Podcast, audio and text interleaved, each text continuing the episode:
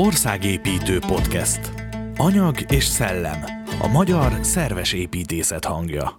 Szeretettel köszöntöm az Országépítő.net podcast sorozatának hallgatóit. Ezen a részben aktuálisan Csendes Mónikával és Ármosdi Árpáddal Szolnok építész házaspárral beszélgetünk aktuális témákról. Hmm.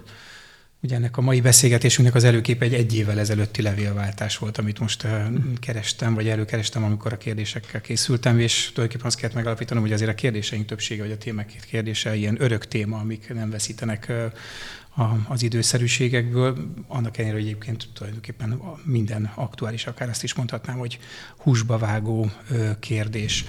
Nyilván elsőként az lenne hogy egy kicsit bemutat koznátok, vagy bemutatnálak benneteket. Ugye az, talán azért az fontos, hogy szolnoki házaspár, építész házaspár vagytok, az alappozíció szempontjából is. Ugye a mi ismerettségünk az a vándoriskolához kötődik, bár jóval előbb, vagy előbb végeztétek el a vándoriskolát, mint, mint én a 90 2000-es évek elején. De hogy az életek ti számotokra, vagy szempontotokban az az érdekes, hogy utána mesteriskolát is elvégeztétek. Tehát mindenképpen szerintem elsőként adódik ez a kérdés, hogy hogy akár szolnok építészként, akár mondjuk egy ilyen kvázi életútban, mi a ti napra kész pozíciótok ugye az építészet területén. Nyilván ez most egy kicsit ilyen általánosnak tűnik, de azért is hm. általános, hogy, hogy megadja a lehetőséget, hogy bármilyen irányból kapcsolódjatok a kérdéshez, válaszhoz. Most az a kérdés, hogy a, hogy vagy, vagy, vagy vándoriskola, vagy mesteriskola, vagy? Nem, hát nyilván, hanem, hogy ez a, ez a többszörös összetett dolog, hogy, hogy, hogy egy vállalt szolnoki lokálpatrióta uh-huh. tulajdonképpen, hogy mondjam, élet helyszín mhm. választás, és ahhoz egy ilyen több, több rétegű ö, ö, uh-huh. építész felfogás, vagy szellemi háttér, az, az, az mit eredményez a napjainkban? Mik vagytok? Építész tervezők vagytok, Aha. a kamarai tevékenység iránt elkötelezettek, főépítészek, tehát mi az a, te, mi az a terület, ahol most mm. amiképpen pozícionálnátok magatokat? Hát mindig azt szoktuk mondani, hogy ilyen körzeti orvosok, meg Móni még azt szokta mondani, hogy református lelkész, szóval ilyen, nyilván van az embernek egy szakmája, amit megpróbál úgy elsajátítani, ahogy rendelkezésre álló is, iskolák vannak, tehát például műegyetem, vándoriskola, mesteriskola. Utána ebben a közegben már úgy normálisan tud mozogni, és akkor minden, ami jön szembe, azzal igyekszik megbirkózni. Tehát uh, szerintem semmi különösebben nincs. Móni? Ezt a, ezt a szerepvállást még, még a túléléssel lehet kiegészíteni, a mindennapi túléléssel. Tehát igazából társadalmi szerepvállalás nem, nem igazán adatot meg mostanában. Úgy értem, hogy ez, ez nem egy teljesen önként vállalt szituáció, hanem így még a saját hazánkon belül is periférián dolgozunk. Mármint szólokra gondolsz? Igen, igen, igen, igen. tehát szólokon belül is perifériás, tehát kamarában nem veszünk részt. Akkor lépjünk egyet azért vissza. Miért pont szólnok? A ti választott Hát ez egy sors szerintem. Hát családi sors, kötődés, igen. és így, így alakult. Gyakorlatilag 2000 környékén költöztetek, ugye? 95.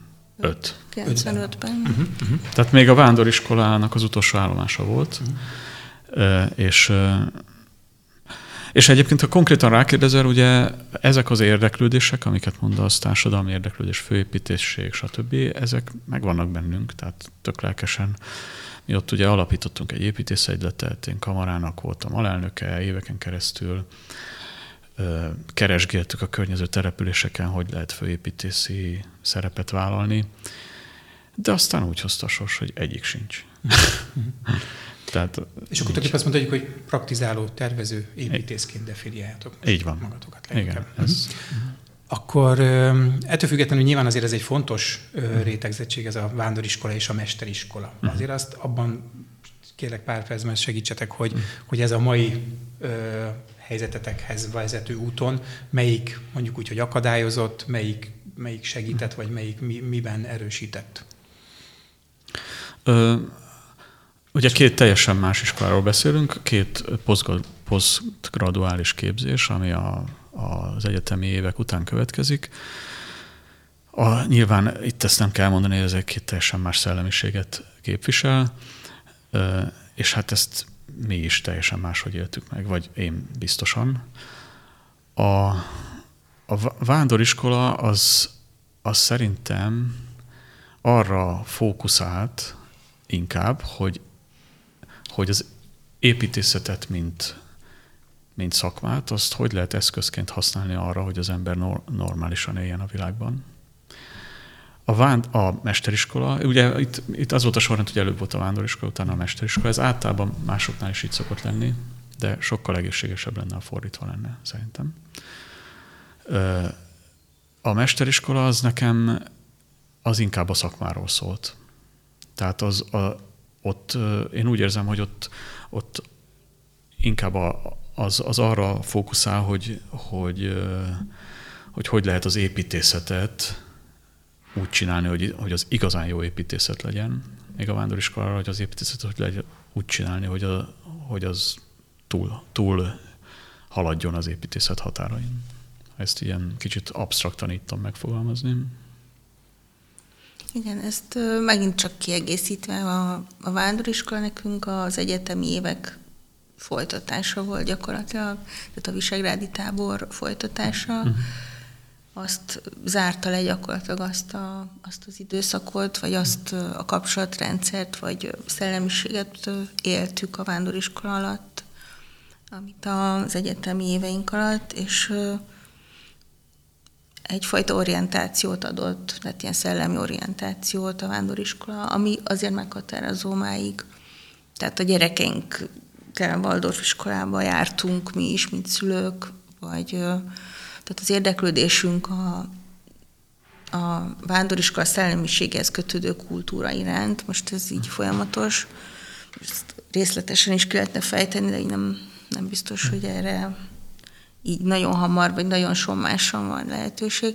A mesteriskola az pedig a, az igen, ez egy ilyen építészeti kisinas éveknek a, a kiterjesztése volt, vagy, vagy gazdagítása, hogy nagyon sokat tanultunk részletképzésből. Az Karácsony Tamás mesterünk volt mindkettőnknek, és az ő szellemiségéből fakadó építészetnek a, a kiművelése, vagy folytatása. Tehát a, ez egy, egy, tényleg egy szigorúan vett építészeti kurzusként, vagy, vagy tanulmányként látom én ezt. Tehát akár kitekintve a külföldi építészeti irányzatok felé, amiből nincs kizárva az organikusság sem, például a Berdini sarun épületek, azok organikus épületek bizonyos értelemben, tehát hogy ott is lehet, hogy nem csak a mi kedvünkért, mert többen voltunk ilyen, ilyen átjáró emberek, hogy tetszik a Halas Iván, Zsufa Zsolt is, ha lehet őket említeni egyáltalán, akik szintén próbálták a, a vándoriskola és, az, és a mesteriskolának a szellemiségét nem kizárólagos értékként felfogni, tehát egymást kizáró értékként, úgy értem, hanem egyfajta nyitottsággal mind a kettőt érteni, vagy értékelni. Tehát így a, mi próbáltuk bele, tehát hogy anélkül, hogy nagyon, nagyon organikus házakat terveztünk volna, anélkül, vagy hogy mondjam, tehát azzal együtt tudtuk használni, vagy nagyon erősen kötöttünk az organikus mozgalomhoz.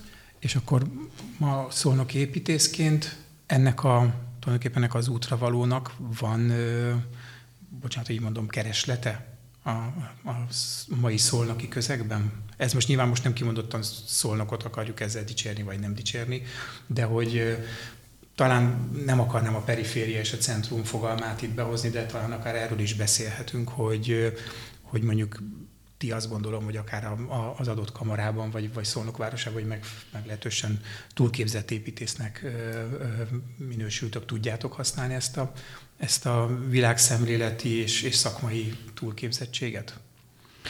Hát használni úgy tudjuk, hogy ugye van, vagy vannak, vagy voltak olyan megbízásaink, ahol azért nagyon felkészültnek kellett lenni. Nyilván, persze. De az, azt azért látni kell, hogy hogy ez a fajta, nevezzük most ezt így ilyen nagyon ilyen kicsit ködösen, hogy egy, ez, ez a fajta ilyen radikális regionalizmus, amit mi csinálunk, tehát az, hogy, hogy nem messziről próbálunk belematatni valamibe, hanem azt mondjuk, hogy a, odaszálljuk az életünket. Ez egyébként, zárójelben jegyzem meg, ez egy vándoriskolai ö, hiányérzetből adódott, legalábbis nálam, hogy kevés volt az fél év, vagy az egy év, mm. amit egy-egy városba töltöttünk, és akkor az, az egy ilyen elég egyértelmű volt, hogy ahhoz, hogy az ember egy szituációt, egy helyzetet, egy várost, mint egy élőlényt megismerjen, ahhoz oda kell költözni, és ott kell élni. És lehet, hogy nem elég 15 év. Na mindegy, tehát hogy ez nyilván egy, egy, ilyen, egy ilyen elég radikális döntés. És ez hát én, én szerintem ez, ez zsákutca.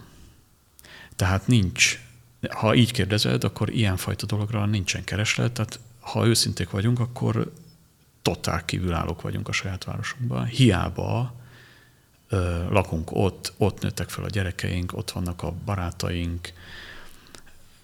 Ettől függetlenül a maga a város, nagyon nehéz ezt megfogni, de hát, hát ha érthető ez, tehát mint, mint élőlény, ilyen csodálkozó szemekkel bámul még mindig ránk, hogy ki a fene ez, mit akar itt? És ez abba is megnyilvánul, hogy most lassan már hat éve nem kaptunk semmilyen megbízást a, a, vár, a, vár, a saját városunktól. Szóval ilyen nagyon ambivalens ez a viszony. Nagyon nehéz. Ez a, bocsánat, mond, ha van kiegészítő. Tehát, hogy azt mondom, hogy nem kereslet van az iránt, amit mi művelünk, hanem mi nem tudunk más milyen házakat építeni, mint hogy ilyen elvek mentén élünk, mint amit tanultunk akár a vándoriskolában is ilyen regionális elvek mentén. És ez a radikális regionalizmus, amit mondtál, egyébként nekem nagyon érdekes volt, még a vándoriskolai évek végén volt egy egy kis házatok, ami talán vályokból is épült, és aztán az egyik vándor, voltak ilyen kurzusok, és talán pont igen, a föld az kapcsán, igen, az egy, egy, egy vándoriskolás, talán Dobrosi Tamás dolgozta igen, föl, igen, igen. Hogy, hogy akkor ezt, ezt a házat, ami tulajdonképpen valóban egy kicsit ennek a háromosztatú háznak a tovább gondolása, de valóban a szerkezet, a szerkezet őszintessége, és az, a szerkezetnek, mint kvázi díszítő principumnak a megjelenése. Tehát ezt mondhatjuk, hogy ez az irány, amit ti radikális Nem. regionalizmusként mondasz. Ezt, ezt a szót ezt kizárólag, tehát ezt az építészeti építészeten túli Aha. viselkedéssel akartam mondani. Tehát a helyhez kötöttség az, ami... Igen, tehát hogy, hogy tehát nem, nem egyébként szerintem nem, nem annyira jó ez a szó, ez a regionalizmus. Erről beszélgethettünk, mert ez egy ilyen nagyon változó, változó jelentéstartamú szó. Én most csak arra gondolok, hogy, hogy persze van, vagyunk egy jó páran ilyenek, akik így azt, mond, akik azt mondták, hogy, hogy nem csak úgy, mint te, hogy, hogy fölválasz egy, egy régiót, és akkor azt mondod, hogy azt, azt szívvel, lélekkel tolod, de valójában nem laksz ott, hanem mondjuk az életednek a 40-50 százalékát tolod bele a hegy aljába. Ezzel szemben a, egészen más az, mint egy azt mondani, hogy akkor tényleg oda költözöm, és akkor bevállalom az összes problémájával, például ezzel a kívülállással, az összes keletkező feszültségével, és akkor nincs hova menekülni. Nincs menekülés. Tehát, tehát én erre, erre mondtam a radikál, radikális. Igen, és amikor megkezdjük, hogy miért nem veszed, mennyire sokat járok Tokajhegyre, ugye igen, az én munkám több, többsége adatot, hogy miért nem veszek ott egy házat, és mondom, köszönjük szépen azért. Persze az így papíron vagy kívülállóként soknak tűnik az a 200 nem tudom néhány kilométer uh-huh. Szentendrétől, de ugyanakkor meg hiszen minden munkám oda köt tulajdonképpen, uh-huh. ugyanúgy uh-huh. centra, vagy, vagy koncentrált vagyok erre a területre, uh-huh. és, a, és jóval kevésbé szétforgácsolt, mint mondjuk egy átlag praxis, amelyik, de mondjuk akár egyik nap Kecskeméten van művezetése, másnap meg nem tudom, egy Szabolcsban, de hogy valóban azért ez az egészséges távolság azért ez a szakmagyakorlás szempontjából, még ha valóban mi arra vagyunk beoltva vagy kiképezve, hogy, hogy nem csak szakmaként, vagy nem csak Igen. munkaköri, munkakörként tekintünk az építésztervezésre. Bocsáss meg, csak egy, egy szó, tehát hogy ennek két oldala van. Az egyik oldala az, hogy, hogy te hegyaljáról ugye egyrészt el tudsz menekülni, másrészt pedig az ottaniak szemében akármit csinálsz, mégiscsak egy messziről jött ember vagy, aminek nagyon sok előnye sok van. Előnye van. Nagyon sok előnye van.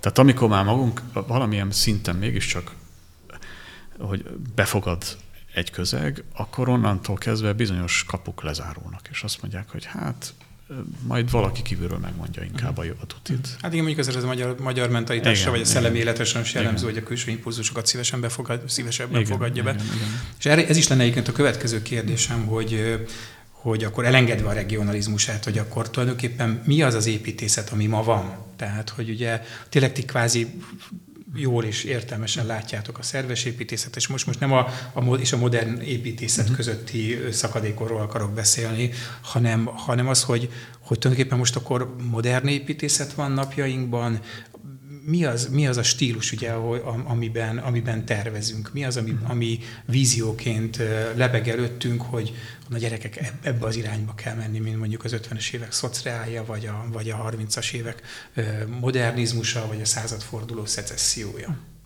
Jó, ezeket szerintem nem kéne nagyon összekeverni, mert a szociál az egy felülről nyomott ö, diktátum volt, azt nem szerették az építészek.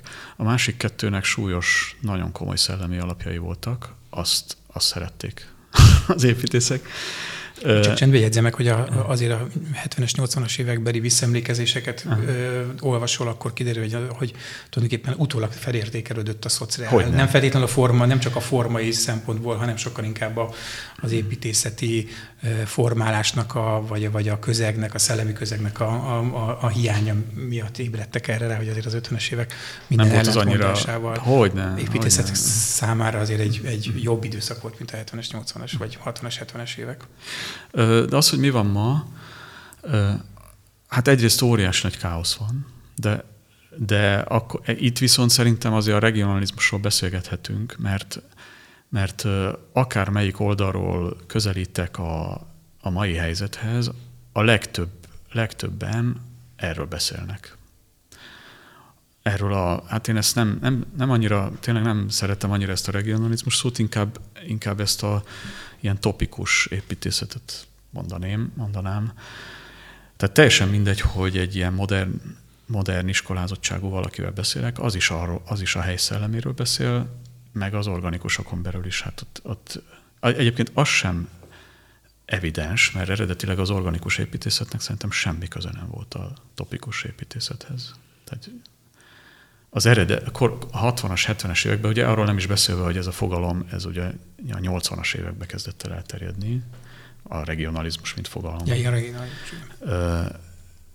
És, és, és a mestereink, tehát az első generációs organikus építészek, azok, azok nem a mai értelemben voltak, voltak regionalisták. Tehát ha, ha gondolsz például a Szigetvári Vigadóra, vagy de még akár a, a Sárospataki művelődési házhoz, tehát teljesen más szem, szemmel. Vagy az Orfű forrásház. Tehát, tehát ezek, mondjuk az Orfű az egy természetbe épített valami, ott még hogy meg rá lehet magyarázni, uh-huh. de egy, egy városi közegben mondjuk egy Steineri épületet beépíteni, az nem a mai értelembe vett regionalizmus, az, ott, ott egészen más, más volt. Szóval ez is érdekes, hogy az organikusság is ebbe az irányba kanyarodott, meg pár évvel ezelőtt, mondjuk tizenvalány évvel ezelőtt volt egy, valamilyen oknál fogva kezembe került a Finta József által összeállított anyag, aminek az volt a címe, hogy Épített jövőnk. Épített jövőnk, ja. És ebbe ugye a Reis Gábor is írt, de most nem erre akarok utalni, mert ő ugye a vidéki építészetről írt, hanem a Cságoli féle szövegre, aki szintén elmondta azt, amit most én az előbb, hogy tizen évvel ezelőtt volt ez, hogy teljes káosz van, nem lehet kitapogatni, hogy merre megy a világ, de a jövőt a Cságoli Feri a helyhez kötött építészetben látja. És hát ő aztán végképp nem mondható organikus kötődésűnek. Bocsánat, de nagyon magamhoz ragadtam a mikrofon, majdnem le is nyeltem. Móni? Visszatérve a modernre, mm. hogy, hogy nekem a modern az inkább a kortárs. Tehát ma, ma a modern az inkább kortárs, mm. és nagyon sokszínű, vagy ilyen mozaikos kultúrát kultúrát jelent, vagy kulturálatlanságot, ha, ha úgy tetszik a közönség részéről, de akár az építészek részéről is. A modern önmagában nyilván minden progresszív áramlat, mint stílus progresszív irányzat volt. Például a Bauhaus korszakait nézed, akkor a Bauhaus eredetileg például a Klee és a kezdeti időszakokban például a teozófiával is foglalkozott, meg szellemtudományjal. Tehát olyan alapon építette volna fel a, a Bauhaus-t, mint egy építőműhely, mint egy dómépítőműhely, erre vannak például a Feininger által fémjelzett ilyen kiadványok, aki egy kiváló, ha úgy tetszik, ilyen teozófiai festő volt, ha lehet ezt mondani. De most én nem az antropozófia alapján akarom például a Bauhaus-t itt megfúrni, vagy összekeverni a dösztájt a teozófiával. Tehát például a modern mozgalmon belül, ha ezt csak a Bauhausra vetíteném, ezen belül is hihetetlen sokszínű folyamatok zajlanak, és ha így lehet így megint stílusokkal dobálózni, vagy így, így feldobálni ilyen irányzatokat, a modern önmagában nem értéktelen, csak amikor mint egy ilyen zuhanó bombázó, hogy megjelenik egy, egy városban, egy modern épület, az hihetetlen károkat tud okozni a környezetében. Tehát, hogy ha lezárom röviden, például a, ha stílusokat kell értékelni, és az a probléma, hogy a modernizmus, vagy a modern, az nem stílus kérdés, hanem egy ilyen jelenség, mindig egy adott pillanatban egy jelenség. Ha azt mondom, hogy a barokk egy hihetetlen modern korszak volt az építészetnek, de iszonyú károkat okozott, mert elpusztította mondjuk a gótikus és középkori hagyományt, akkor megint nem értékeket ítélünk, hanem csak át lehet tekinteni egy folyamatot. És ugyanúgy minden kortárs építészet tud ennyire romboló lenni, és ezzel szemben azt mondom, hogy a modern ilyen nagyon kortárs és nagyon progresszív, ezzel szemben én jobban hiszek abban, ami tradicionális.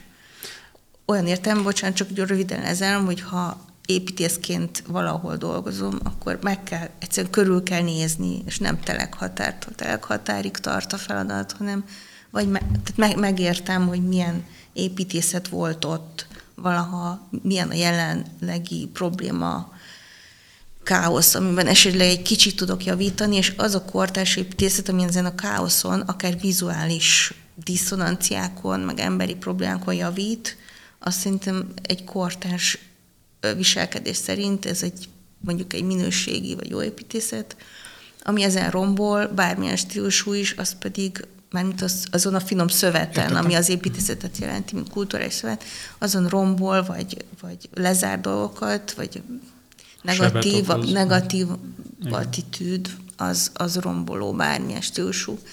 Tehát ez egy nagyon komplex viszonyrendszer, így egyáltalán nem stílus kérdés sajnos. Ugye az Eklernek volt ez a 90-es évek közepi mondása, amit én akkor nem, tulajdonképpen nekem most kezd ez leesni, amivel persze nem vagyok annyira büszke, hogy ez minden építésznek alapvető feladata, hogy a modernhez való viszonyát, nyilván ő az alatt a, a klasszikus, a klasszikus modern. modern, mert valóban abban igazad van, ugye ezt Nagy Gábor hogy írta le nagyon jól, hogy a, a módó, a modern, az tulajdonképpen az az, a, az, az éppen mostott jelentés, és hogy elsőképpen valószínűleg, a, vagy elsőként éppen a, a gótikus építészet születésénél merült föl ez a fogalom, de akkor nevezük azért az egyszerűség kedvéért a modern építészetet a 30-as évek Bauhausiánus építészetén alapuló építészetnek, hogy abban azért egyetértünk, hogy itt volt egy olyan törés, és ez szeretném, hogyha aztán ebből kicsit elmennénk, akkor így a hagyomány és a, akár tényleg a napjainkat felborzoló replikaépítészethez is, hogy, hogy, hogy én nekem az a meglátásom, hogy ez egy olyan törést okozott, egy olyan nem szerves törést okozott az építészeti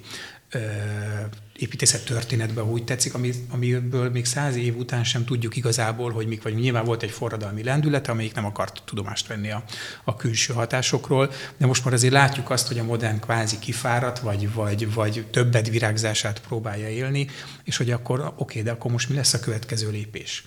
És hogy nem -e lehet -e esetleg, hogy, hogy, hogy törvényszerű az, hogy, hogy, hogy visszatáncolunk. Ugye nyilván minden, minden korszak megtagadja az előzőt, hiszen a modern is megtagadta a szecessziót, de ő nem persze nem egyen visszább lépett, de hogy lehetséges-e az, hogy mi is ugyanígy kvázi ma megtakadjuk a modernt, és hát akkor hova lépjünk, ha előre nem tudunk, mert hogy nincs egy olyan, tehát ahogy te mondod, káosz van, amiből nem akar kikelni egy újabb korstílus, el se tudjuk képzelni talán azt, hogy mi lesz ez az újabb korstílus, hogy visszalépünk a múltba.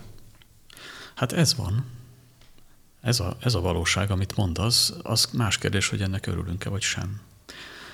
De ha a, a, a modern azért az, az, egy, az, az nem csak egy stílus, tehát azért kicsit messzebbre kéne menni szerintem. Én azon mélységesen egyetértek, amit mondtál, a, az első világháború közötti brutális, körülötti, 1914 hát körüli vagy 20 körüli brutális törés, ami nyilván nem csak az építészetet érintette, Igen, hanem az egész persze. életünket.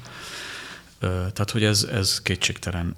Meg az, az is, hogy már előtte lehetett látni ezt, tehát a századfordulós modern, vagy hát hogy hívták ezt, ilyen forradalmi mozgalmak a művészetben. Ezek nagyon szépen megalapozták ennek a, ennek a törésnek a helyét. De én, én azt, azt látom, hogy a, a modern az egy az a reneszánsztól induló, sőt, még a, renesz, a, a protoreneszánsztól, tehát a 13. századtól induló ö, világ magyarázatok, vagy a világ megismerési módjának a kicsúcsosodása, tehát és lezárása valahol. Tehát egy olyan fajta megismerési mód, amit nagyon egyszerűen tudományos gondolkodásnak lehet nevezni.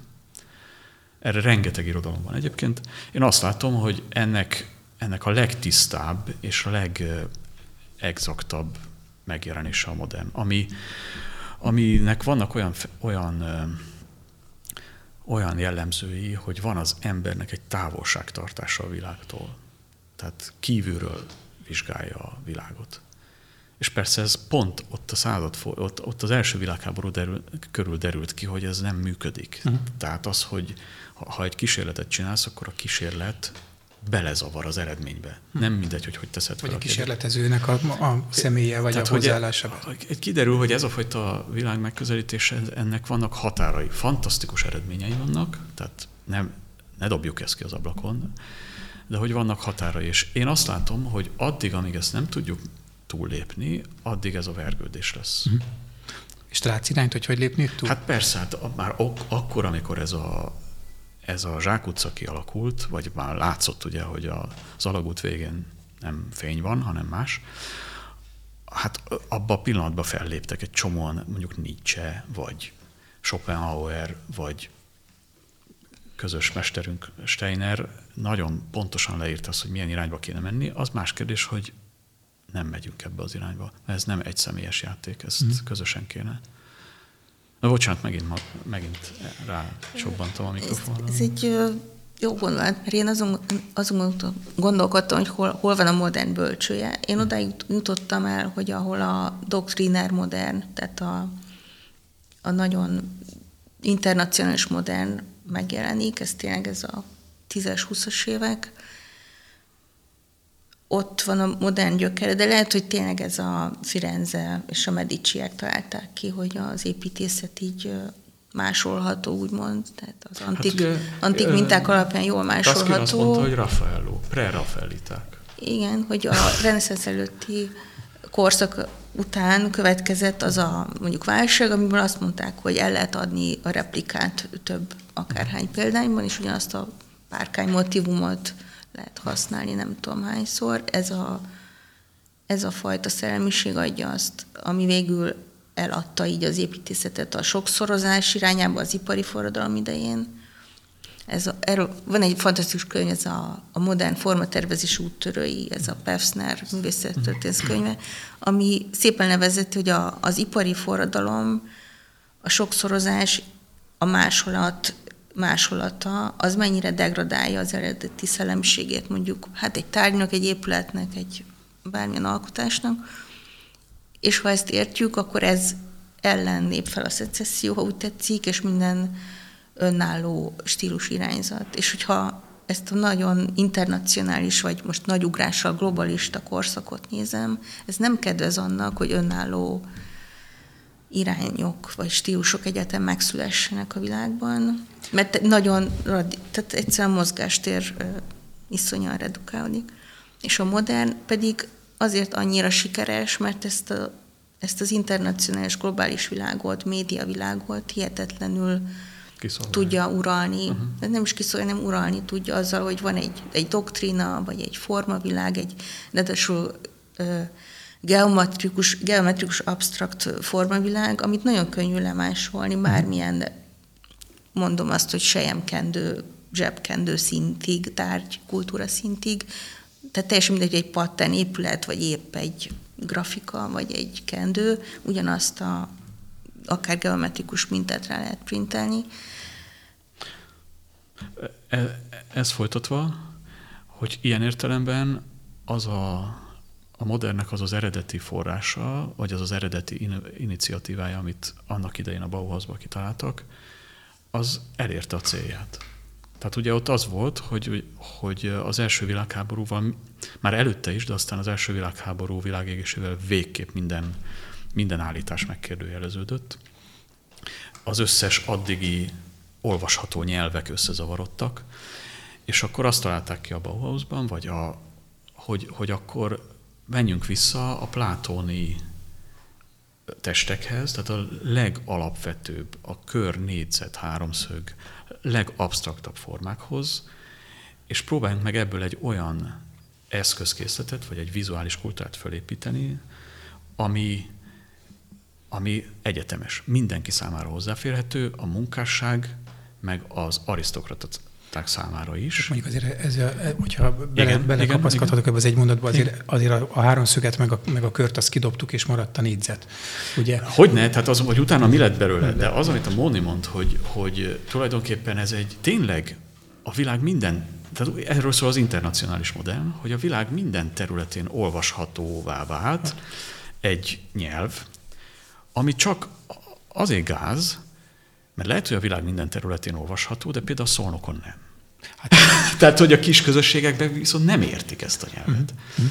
Igen, pont ezt szoktam mondani a, én a modern kapcsán, hogy tulajdonképpen más nem változott, mint más anyagból, más ö, funkcióval, más esztétikai és szerkezeti elvek szerint építünk házat. Tehát, hogy végül is tulajdonképpen minden pontjában egy radikális változás. Ugye a lyuk architektúra helyett egy, egy felületi architektúra lett, egy falas szerkezet helyett egy pillér szerkezet lett, egy kötött térstruktúra helyett egy, egy oldott tér, tehát hogy igazából tulajdonképpen Igen, egy földből kinövő tektonikus rendszer helyett egy lebegő, tehát lábon álló, lebegő, lehetőleg ne is érjen le a földre, konzolok, Én azt gondolnám meglepőnek, hogy ehhez képest a, a, a közízlés tulajdonképpen egyfelől, hogy száz év alatt nem idomult, már pedig, mert hogy mondhatjuk, hogy nem idomult, uh-huh. másrészt pedig, hogy eddig bírta tulajdonképpen a, a tektonikus szárság helyett a, a lebegést, és kvázi nem, nem lázadt föl, vagy hát föllázadt nyilván csak a, mindig a maga módján, és ezt nem feltétlenül vettünk erről, erről tudomást. Tehát, hogy ugye itt pont a, napjaink, vagy ez az elmúlt napokban volt ez a,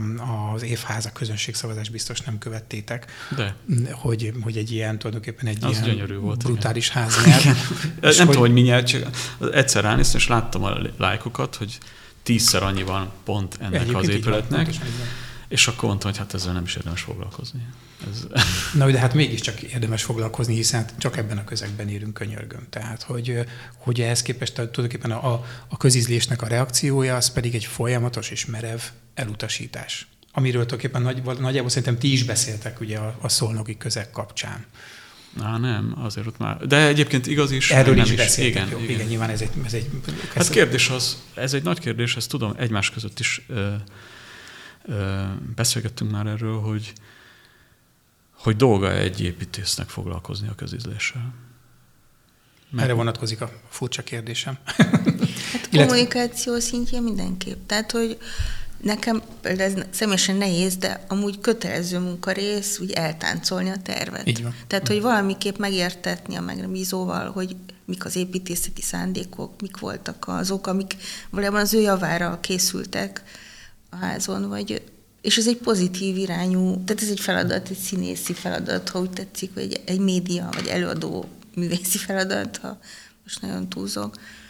Tehát a közízlés annyiban fontos, hogy le, le kell tudni küzdeni ezt a sárkányt, ami a közízlés.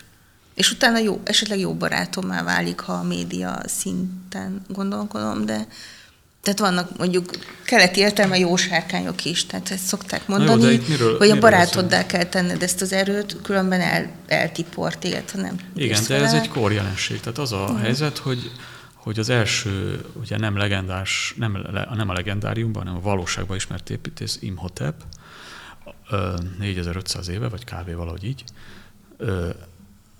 ő, ő ugye a Fára után a birodalom első embere volt, tehát ő volt a főpap. Tehát ott nem volt ilyen kérdés, hogy, hogy ő most bárkit is megkérdezzen, hogy, hogy most akkor azt tetszik-e neki, vagy nem. ő direkt kapcsolat volt az, a, mit tudom én, a napistennel, vagy a fáraóval, teljesen mindegy, és akkor ő csinálta azt, ami jónak, amit ő jónak gondolt, mert azt gondolt, hogy ettől megy előbbre a világ. Vagy et... nem egy konvencionális építészetet művelt ráadásul. Hát igen, később aztán ez konvencionális vált, mert...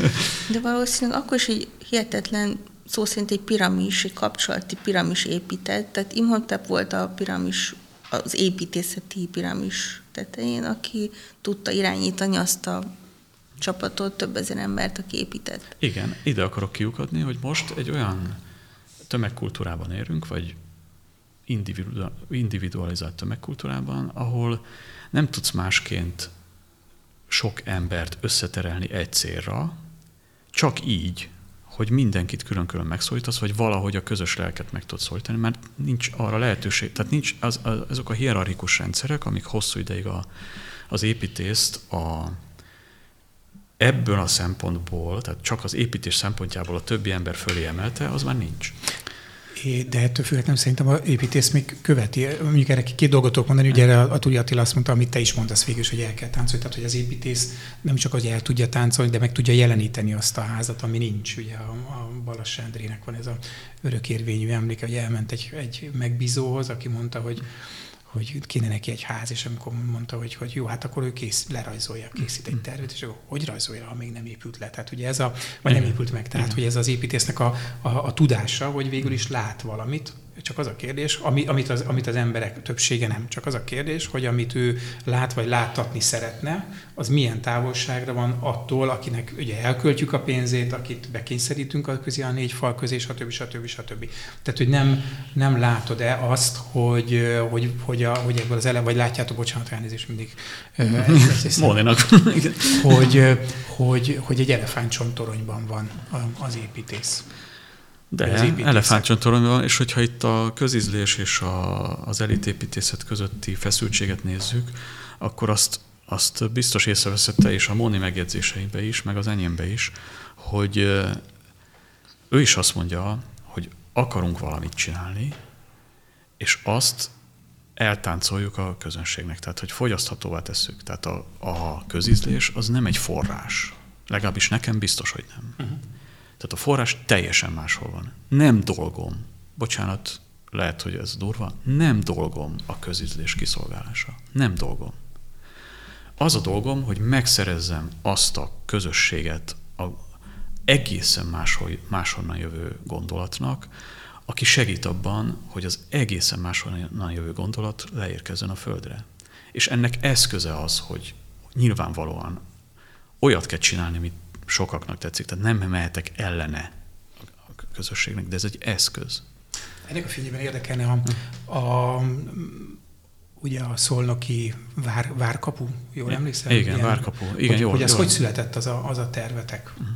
Hogy az, az hol helyezkedik el ebben a, ebben a szcénában, vagy ebben a, a hozzáállásban, hogy mert az, az valószínűleg pont nem egy, egy olyan épület, amit a közízlés életre ö, akart volna, vagy szeretett volna. És így érdekelni is egyébként a reflexió, reflexió hogy, hogy azt hiszem már látogatható, ugye? Nem még, még sajnos nem, nem, mert nagyon lassan folynak. De van kulcsunk, úgyhogy ha arra jártok, akkor szívesen látogat. Tehát, tehát érdekelni részben annak a születési, a gondolati születési metódusa, illetve hogy, hogy mit éreztek, hogy, hogy ehhez képest a közízlés ezt hogy reagálja le. Mert nekem hmm. tulajdonképpen ebből a szempontból ez egy baromi jó leképeződése a kortás építészetnek, hogy, hogy abszolút az építészeknek szól. Egy rohadt jó ház, abszolút ül, szerintem nagyon jól formált épület, benne van az a, az a, a kortás, de közben az időbe vetettsége, vagy hogy mondjam, vagy időtlenség és az időbe vetettsége, de közben meg azt gondolom, hogy a, a közizlés házhoz fűződő, még ha oké, nem is akar ez egy, ez egy klasszikus lakóépület vagy családi ház lenni, a ház képétől, hát kis túlzással Távol áll. Távol áll, így van. Jó, de szerencsére ott, ott nem ez a, tehát nem ez volt az igény. És pont ezért nyilván vannak konfliktusok, de az, ezek a konfliktusok, ezek abba a kategóriába tartoznak, amikor az ember belenyúl valami megszokottba, az konfliktust okoz. Tök mindegy, hogy, hogy egy kis pici gyógyszert ad valakinek, vagy kiműti a tüdejét, bármibe belenyúlsz, az megszokásokat fog ö, zavarni, és én szerintem a várkapu az ezt a szintet éri el. de hogy mondjam, ilyen nagy ellenérzés, az nincs. Azért, én azért gondolom, hogy nincs, mert, mert ez egy olyan igényre született ez a ház, egy szokatlan igényre, ami évszázadok óta ott lebeg a Szolnok város fölött, és ott él az emberek lelkében, mégpedig az, hogy ugye a városnak a születési indoka vagy metódusa az, hogy ez egy folyami átkelő és annak a védelmére épült vár, ez elpusztult 250 évvel ezelőtt, vagy 200 évvel ezelőtt. 300. Hát... 250 Igen, tehát hogy ez teljesen elpusztult, és a város érzi azt, minden mozzanatában érzi, hogy az nem jó, hogy a saját, ö, úgy mondom, hogy a forrás, forráspontom egyszerűen nem nincs megjelenítve. Tehát ezt az igényt elégítette ki a város. És emiatt szerintem legalább annyian lájkolják, vagy szeretik, mint a, a, amennyien nem. Tehát más a, más a, a, a befogadásnak az indoka, és más a, az elutasításnak. Tehát az elutasításnak ilyen kicsinyes indokai vannak, én úgy érzem, és a városnak a, a, a, egy, egy nagyon széles rétege pedig örül neki, hogy ez így megépült. Ez a házra azt kell tudni, hogy ez a, a, a, a szolnoki Tisza híd közvetlen szomszédságában, Igen. egy ilyen nagyon fura részben lakótelepi, részben családi házas karakterű területnek Most már. határán. Egy... De ez volt ugye a vár, ez volt 600 évig vagy 800 évig Szolnok vára, egész Zónok Ispántól, a Rákóczi Rákóczi forradalom után. A legvégül a 19. század elején hordták el az utolsó köveit. Tehát, de az más, hogy utána ez a terület teljesen átalakult, és ez fel is, felfogható, ez is egyfajta replikának, mert, mert tényleg e, ez egy megfogható, kézzelfogható igény volt az, hogy, hogy ez, ez testi valójában is jelenjen meg, hogy itt valaha volt egy vár. És mik voltak az előképeitek? Mert kicsit akkor talán tényleg menjünk ebbe a, a hagyománynak uh-huh. azért, hogy mi, mi volt, ami, ami végül is, hogy kvázi nincs teteje a háznak, nincs karakteres tömege, hanem pont azáltal válik karakteressé, hogy, hogy nincs egy ilyen, hogy mondjam, formáló ereje, hogy mit tudom, telekhatárral párhuzamos traktus szélesség, stb. stb. Hogy mi, mik, mik voltak a, a, a Hát ugye nem volt, nem volt semmink. Tehát ez nem egy, egy ilyen lovarda volt, mint itt, vagy a, itt a várban bármelyik épület, hogy ott azért vannak fotók, meg tervek, meg lehet nyomozni. Semmi nem volt. Egyetlen egy, egy ilyen képzeletbeli, azt kell, hogy mondjam, egy képzeletbeli ábra volt egy térképről. 1562, Matthias Szünt, és volt egy, egy térkép, ami szolnokot ábrázolta, oda is volt írva egy szolnok, és akkor a régész kollega mutatta, hogy, hogy látjátok, itt vannak a bástyák körbe, ott van benne valami a város közepén. Ez egy olyan kicsit, mint egy, mint egy számítógép monitorján egy ikon. Uh-huh. Tehát jelent valamit, de tulajdonképpen mindenkinek a számítógépén ugyanaz van. És miután semmi másunk nem volt, elkezdtük kicsit ilyen, hogy mondjam, ilyen outsider módon, tehát ez nem egy igazi építészeti gondolkodás. Tehát nem, nem az, amit mondasz, hogy akkor megkeresse az ember a hely, helyet, akkor traktusokat épít, tetőt, hanem elkezd egy grafikát visszafejteni térbe.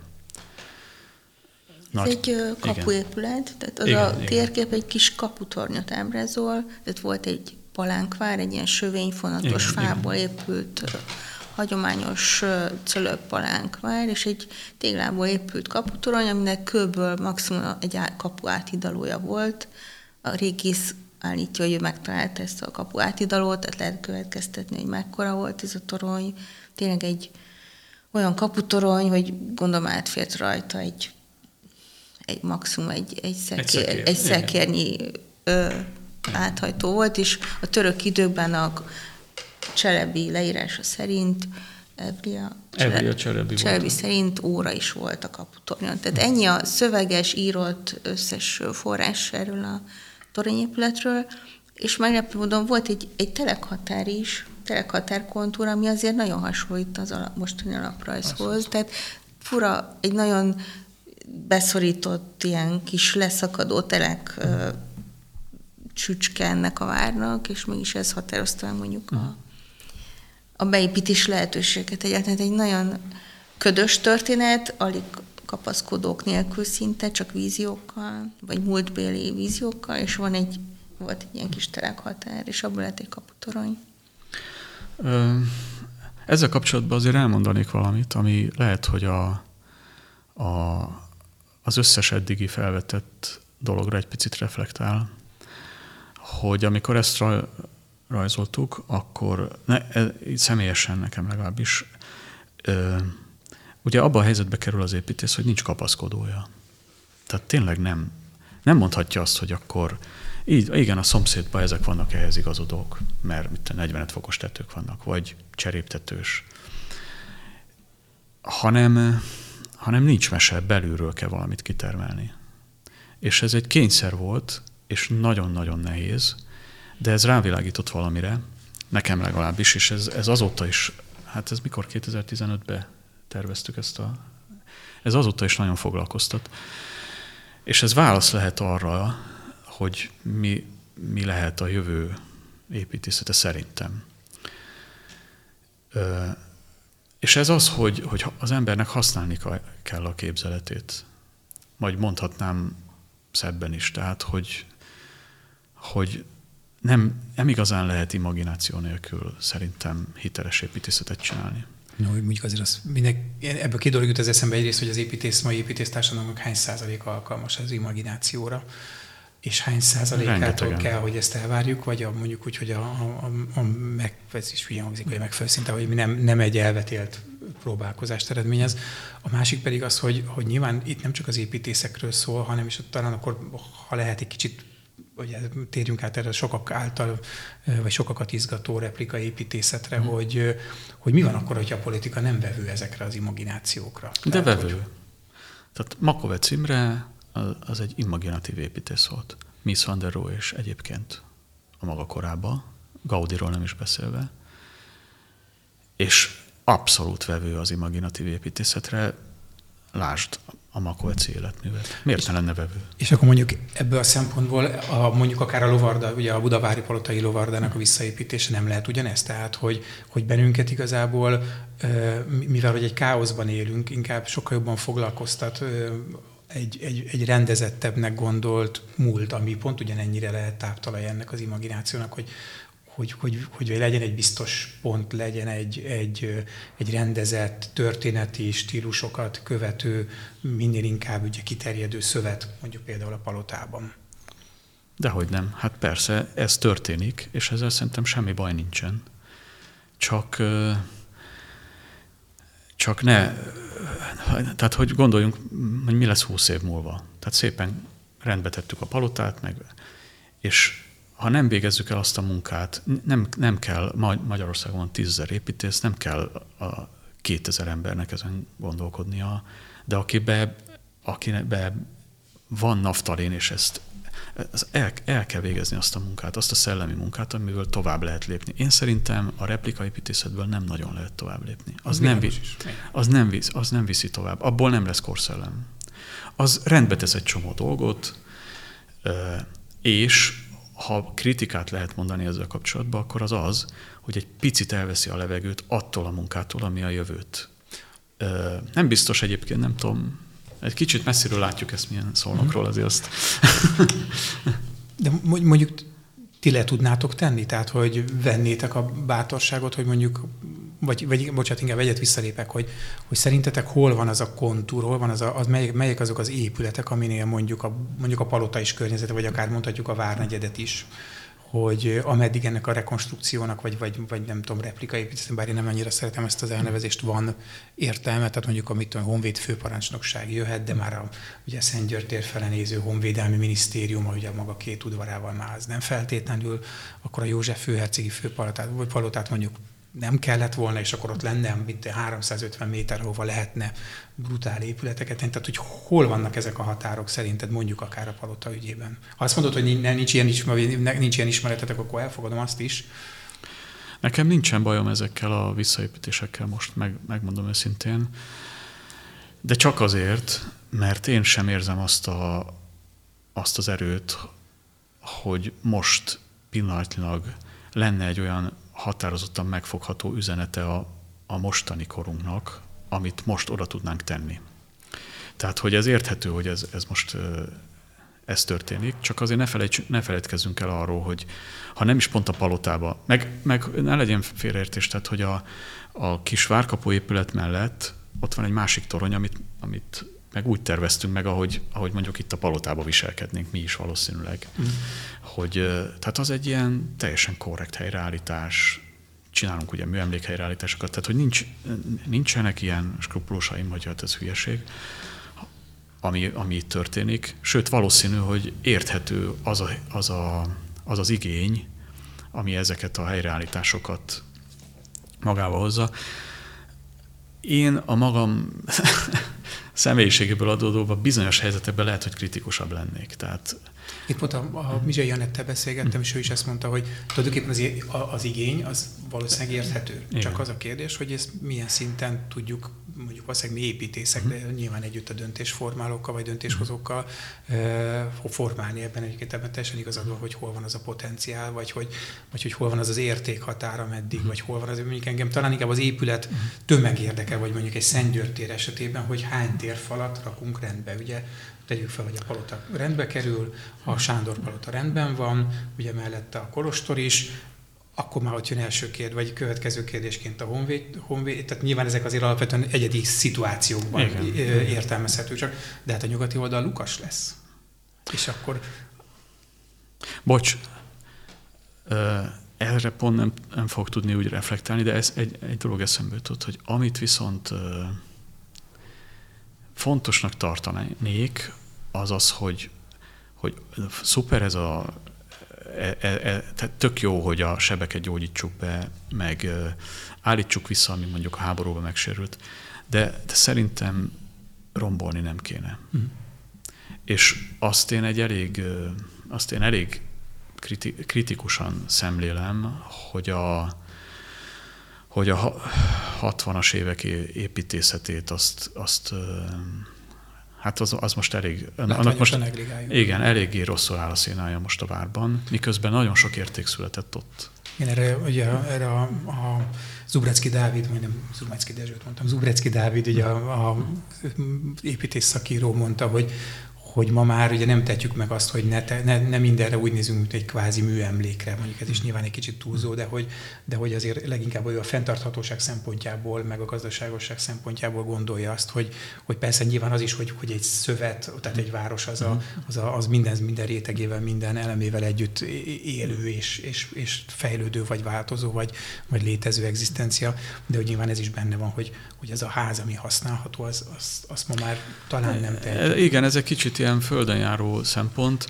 Nekem az a nagyon tanulságos, amit például... Jó, nyilván nem feltétlenül a Budavár, Budai Vára mondta, hanem akár jóval profánabb szituációkra is. De mondjuk képzeld el, hogy mi, mi történt a 60-as, 70-es években a, a, a szecesszió építészetével.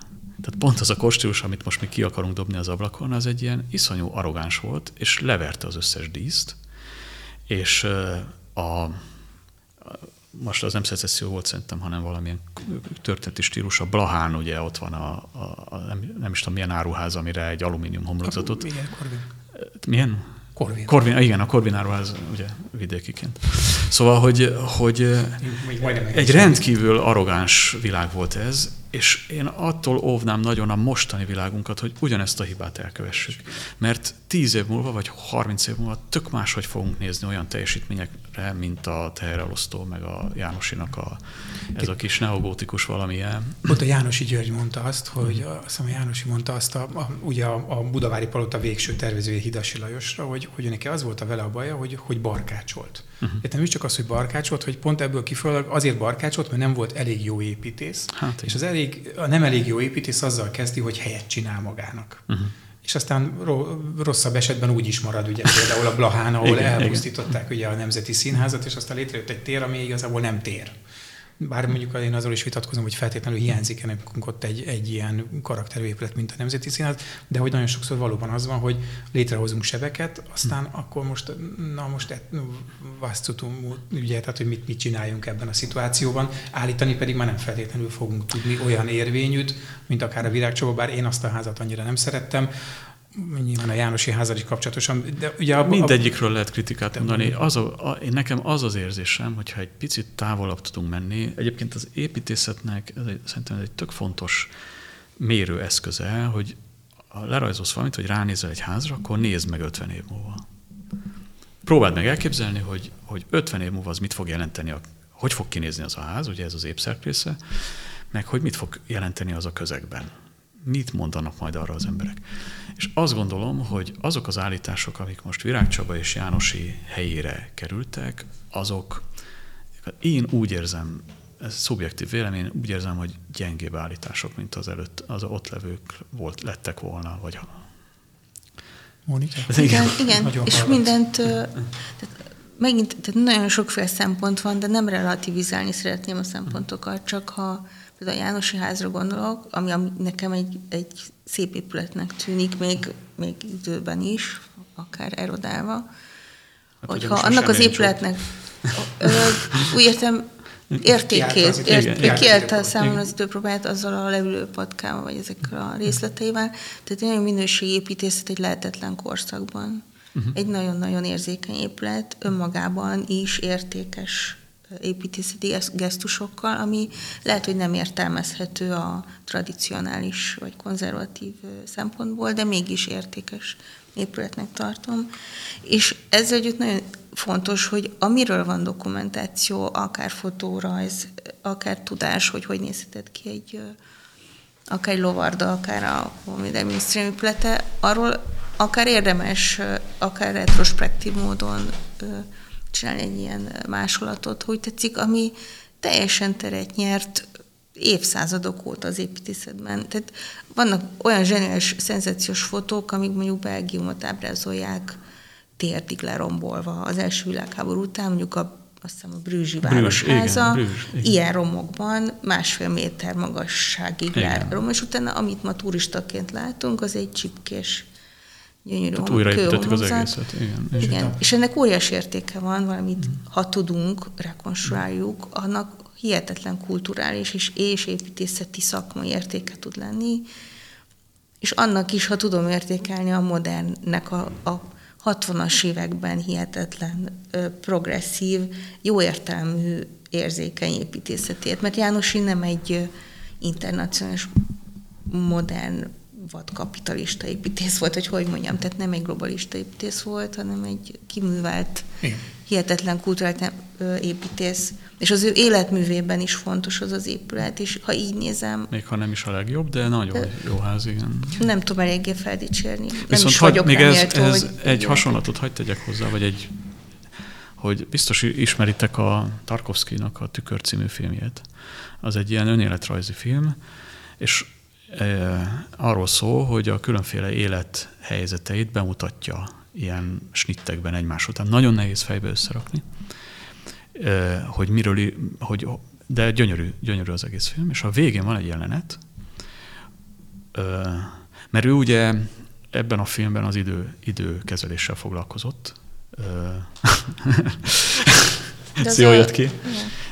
És, és azt, azt állta ki, hogy az összes addigi jelenetét, tehát a gyerekkor, az első feleség, a szerelem, a későbbi, a, ezeket mind egy helyszínre összehozta, és rámontázsolta egy szituációra. Tehát a záró jelenete ennek a filmnek az az ő életének kicsit olyan, mint hogyha a sok-sok léjert, a Photoshopban van ilyen, hogy olvasd össze.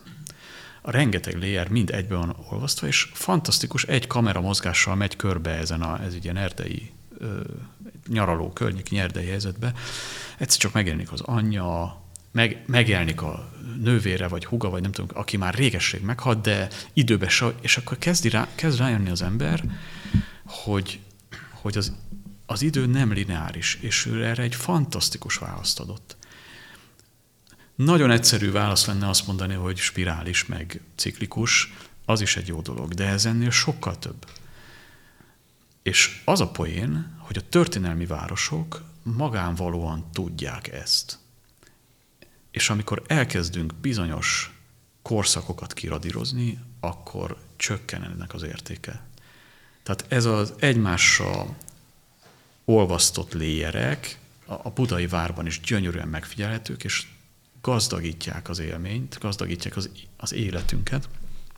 És amikor azt mondjuk, hogy jó, hát a szocmodern 60-as éveket felejtsük el, az bontsuk le mindent, ez szerintem barbárság. Bocsánat. Nyilván nem is erről van szó, de kicsit azért ezen tovább lépve egyébként ez a, ezek a léjerek, ugye én, engem legalább annyira izgat ebben, és szerintem ennek a mostani szituációnak az is a, az okozója, hogy ezek a rétegek ugye a generációkban, az alkotói uh, generációkban sem jól illeszkednek egymásra. Tehát ezzel tulajdonképpen ön, önkritikus szeretnék lenni, hogy tulajdonképpen az a helyzet, hogy a mi generációnk pedig még találkozhattatok talán ugye ti is Jánosival, nem tudom, ti benneteket tanított, nem tanított? Nem, nem tanított. Ugye, nem, nem, nem, nem tudom én a... a ugye, Farkasdival, Farkasdi tanított. Az MLA-nak még utolsó mert, tehát, hogy, tehát, hogy ti még. Vagy akár a Makovetszer is még Igen. találkozhatunk, és tulajdonképpen ezek a, ezek a mértékadó mesterek, ugye ez a, a leg, legbrutálisabb layer, szerintem nagyjából Turi Attiláék, és ott a Nol Tamásék, ez a, ez, a, ez a generációnál én úgy érzem, hogy, hogy megszakadt. És ugye talán, tehát hogy a mi generációnkban nem nagyon akarok lát, vagy vélek felfedezni olyan embereket, akik, akik hasonló kiállásúak tudnának, bírnának lenni, vagy akarnának lenni. És ez különösen abban a szempontból izgat engem, ugye, hogy az én lányom is építész hallgató, és a ti gyermeketek, ugye Donát is talán már végzett is, vagy Igen, nem tudom, két hete. Két, két hete végzett építész, hogy, hogy tulajdonképpen ő nekik az a kapaszkodó sincs meg, ami nekünk még, még szerintem elég sok szempontból megvolt. Ez a, ez a lérek, ez, ez ilyen idősikok, vagy kulturális idősikok egymásra vetülése, ami, ami maga a kultúra. Tehát a kultúra még nagyon sok szálú rétegzettségű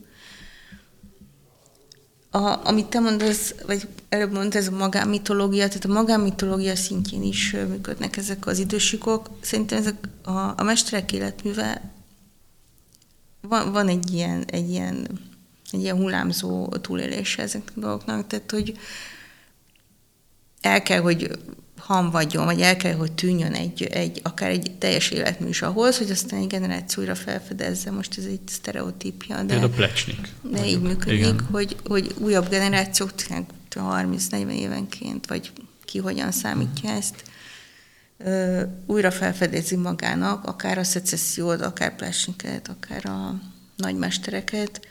A mi időnkben is volt ilyen néhány nagy felfedezés akár filmeket is csináltak ezekről a korszakokról, építészekről.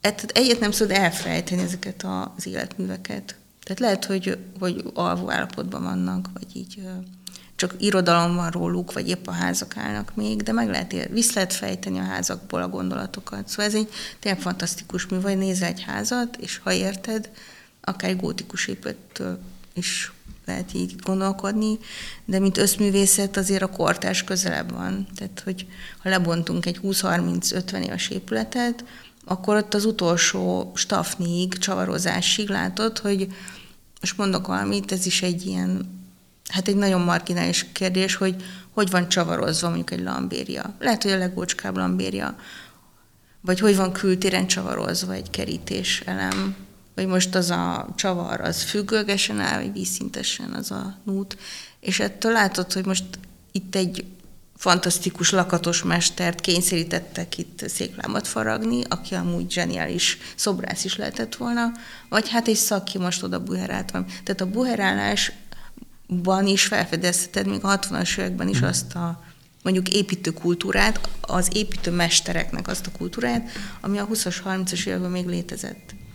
Tehát, hogy van egy hihetetlen generációs tudása az építésben, és attól, hogy az építés vagy a ház egy ilyen lassan amortizálódó műfaj, fizikai valójában is, ezért hihetetlenül át tudja adni a, a kultúrát, vagy a történetet. Számomra ez, ez megint ilyen, tehát olyan rejtőzködő történet van egy házban, hogy egyrészt érted az építést, érted a korszellemet, vagy megértheted, ha, ha energiát van rá, vagy, vagy egy, egyszerűen rengeteg munkával persze ebbe bele lehet, bele lehet ásni munkat. És ilyen értelemben nagyon izgalmas egy, egy régi épületnek a rekonstruálása, vagy egy mesteréletművének a megértése, vagy a gondolat, vagy a korszakainak a felfejtése számomra. Viszont a kérdésedre válaszolva, nem, nem biztos, hogy így van. Tehát, hogy nem tudom, hogy miért ne válhatna mesterré a mostani generációból is bárki. Tehát, hogy lehet, hogy nem, nem, nem kedvez neki a korszellem, a fene tudja, de hát rengeteg nagyon, nagyon ügyes. Lehet, hogy kicsit mások a keretek, tehát, hogy, hogy nem kedvez, tehát hogyha nincsenek meg azok a társadalmi hálók, amik fenntartják még a fiatalokat, életben tartják egyáltalán az érdeklődésüket, vagy a képességeiket addig, amíg fel nem növekszenek bizonyos értelemben. Tehát ez egy nagyon lassú folyamat, még építészé válni, rengeteg kudarcon keresztül, és ha az ember elveszti a kedvét, mert az elején mert, mert teljesen mindegy, akkor, akkor nem növekszenek fel a mesterek a maguk szintjére, és Például lehet, hogy azért ilyen a mi generációnk, vagy a, amit említettél, mert mi egy nagyon zilált vagy kaotikus világban mondjuk nem nőttünk fel olyan szintre, hogy képes legyünk átadni mondjuk az építőmesteri gondolatokat, vagy hagyományokat. És a gyereketek veletek dolgozik, vagy Á, még nem. ki tud, Nem, nem? Más nem. utat jár? Hát most azt hiszem. Veszprémbe fog. Költözni és oda. Mondjuk azt, hogy világgá ment, tehát Igen. hogy egy, Igen, egy jó igen. paszban most világgá ment egy kicsit, hogy így tanuljon máshol is. De szerintem ez rendben van, az az ő élete, amiben tudjuk, segítjük. Én szerintem Zá- Zárjuk le? azt hiszem, hogy, hogy nyilván végtelenségig lehetne Mhm. Igen. még, még beszélgetni akár ezeket az épületeket, de szerint, vagy illetve a, ezeket a történeteket, amik napjainkban for, mi nyilván majd folytatjuk is Mhm. ezt a beszélgetést. Nagyon szépen köszönöm, hogy, hogy itt voltatok, és Köszönjük. köszönöm szépen. Köszi. Köszönjük.